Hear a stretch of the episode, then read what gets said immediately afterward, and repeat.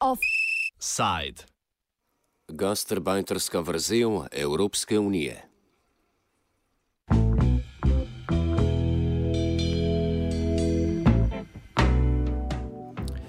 Evropski ministri za delo so včeraj na 12-urnem zasedanju sprejeli dogovor o spremembah direktive o napotenih delavcih iz leta 1996.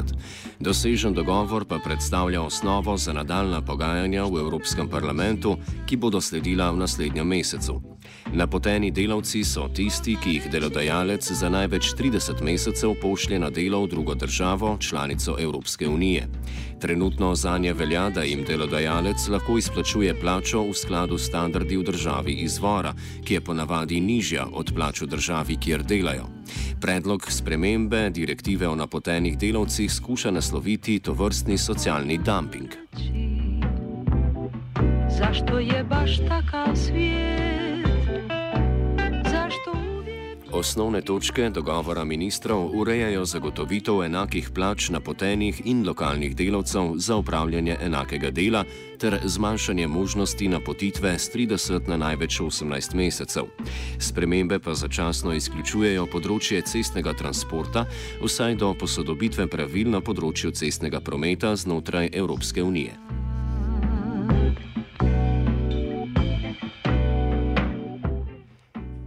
Direktiva, oziroma, ja, direktiva o napotenih delavcih ureja temeljne pogoje delovanja napotenih delavcev v prostorih Evropske unije vse od njenega sprejetja leta 1996.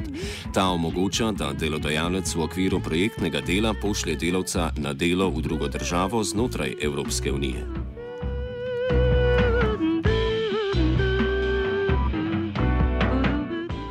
Govorili smo z Goranom Lukičem iz delovske svetovalnice, ki takole opiše trenutne pogoje, pod katerimi delujejo delavci v okviru aktualne direktive napotenih delavcev.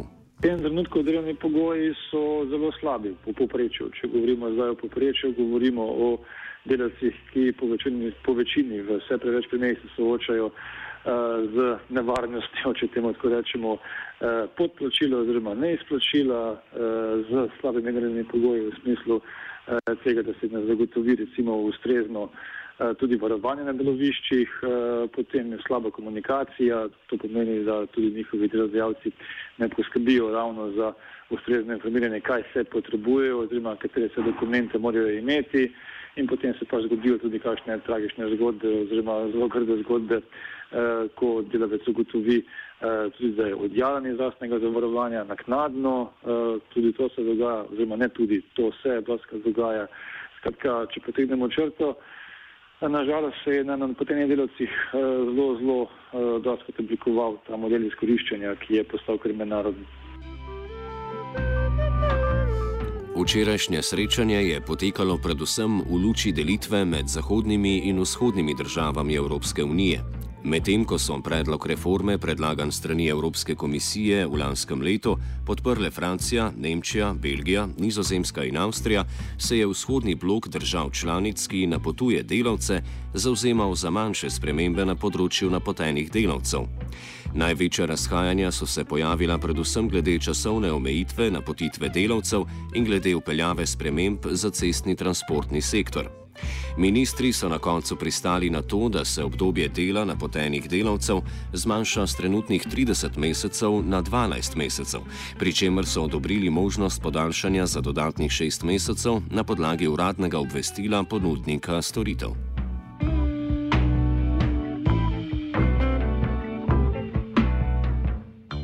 Nekoliko več težav pa je predstavljalo iskanje kompromisa na področju cestne transportne dejavnosti.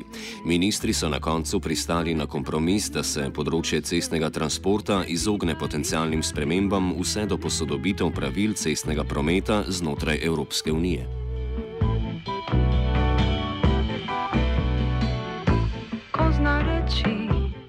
Izločitev področja mednarodnega cestnega transporta iz nove ureditve napotenih delavcev je utemeljena z argumentom, da naj bi to vrstne spremembe močno vplivali na transportno industrijo v državah članicah s cenejšo delovno silo. Več o izpostavljeni izjemi doda Severin Pikar iz Federacije evropskih sindikatov. road transport drivers will be will continue to be covered by the old directive, but not by the revision, until a deal is done on uh, the separate package on mobility transport. Huh? It's a package that was proposed by the Commission in May uh, earlier this year.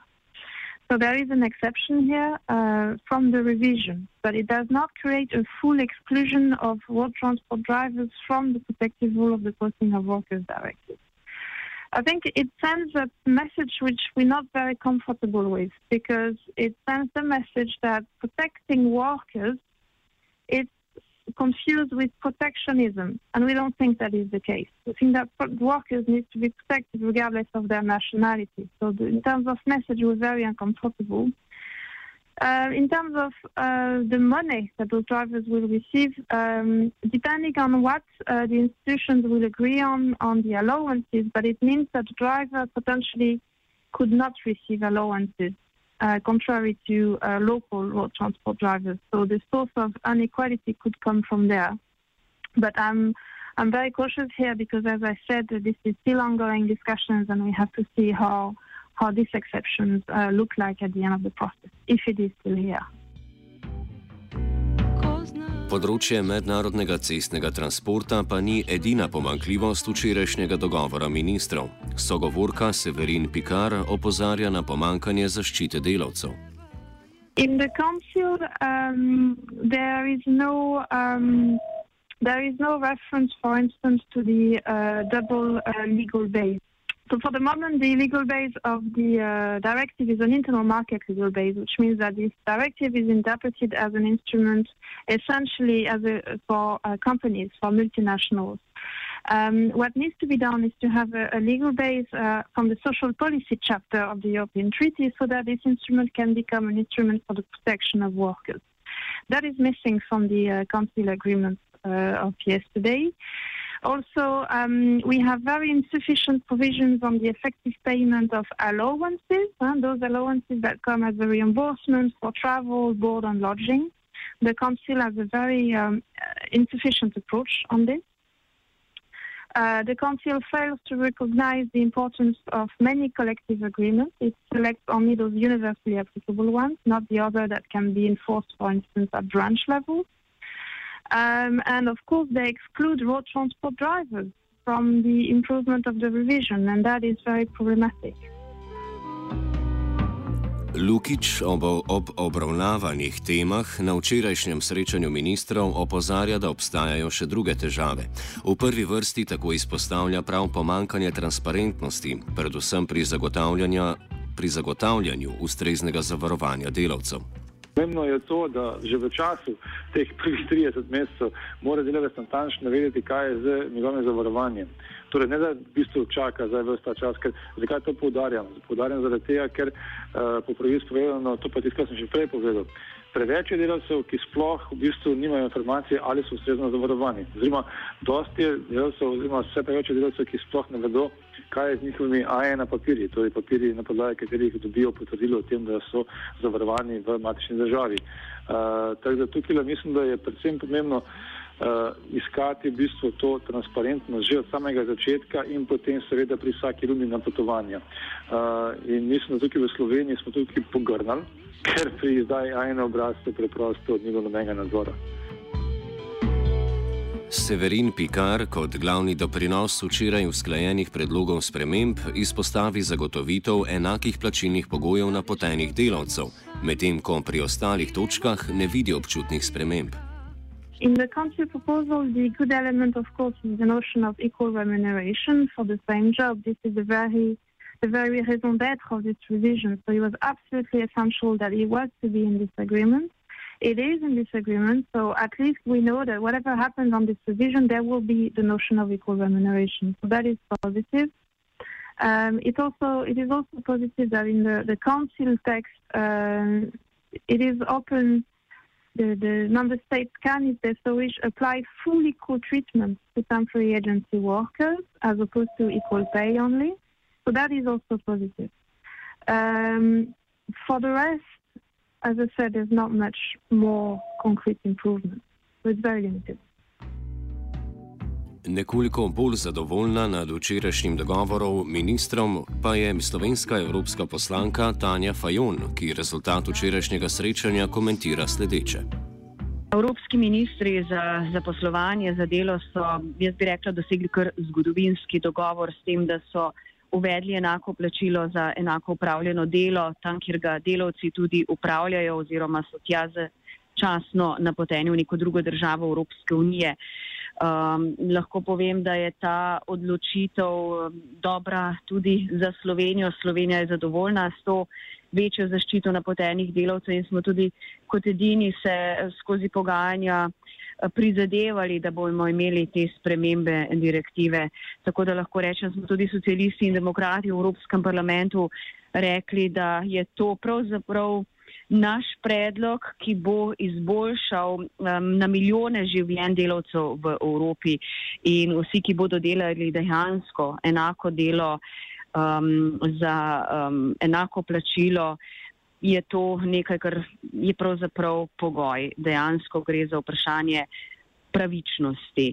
Um, ta hip je vsaj več kot milijon delavcev napotenih v tujino, ki dela v drugih državah članicah Evropske unije, zlorabljenih, delajo za manjše plače, imajo manj socialne zaščite kot lokalna delovna sila, živijo v veliko slabših delovnih pogojih. Um, in to število takih delavcev v zadnjih letih napotenih je konstantno naraščalo in zato je postalo veliko bolj negotovo, kako jih zaščititi iz dneva v dan tako da um, sem zadovoljna s to odločitvijo. Pikar opozarja, da se ob včerajšnjem dogovoru ne smemo prenagliti. Slednji je namreč zgolj ena točka na poti reforme direktive. Temeljitejša podoba sprememb direktive o napotenih delavcih bo znana šele po obravnavi v Evropskem parlamentu naslednji mesec. Če bodo spremembe sprejete, pa jih lahko v izvedbi na državni ravni pričakujemo šele po štirih letih prehodnega obdobja. We have to be clear that the revision is not finished. Huh? Uh, the, uh, minister, the Council of, Ministers have reached a general agreement yesterday or last night, but this is only the beginning of the process because the Parliament is also about to confirm a mandate uh, to negotiate. And the next phase is that both Council and Parliament will discuss together during what is called a trilogue in order to uh, have a, a, an agreement on the revision of the Posting of Workers Directive. It's only when that process is finished that we will know what the revision will actually change. What you saw in the uh, in the agreement or in the deal that was achieved last night is of a very low ambition. Uh, in contrast, what the Parliament is about to confirm as a mandate to negotiate has much higher expectations from this directive, from this revision. So um, we have to see how both institutions now relate.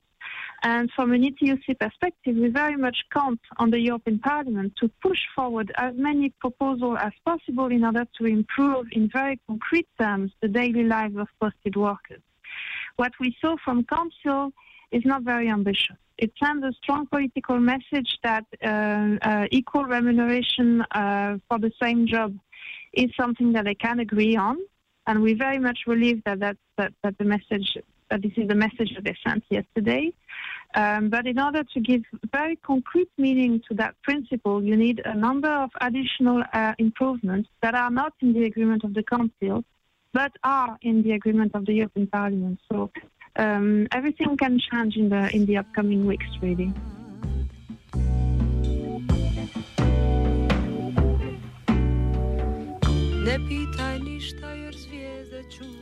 Offside je pripravil žiga.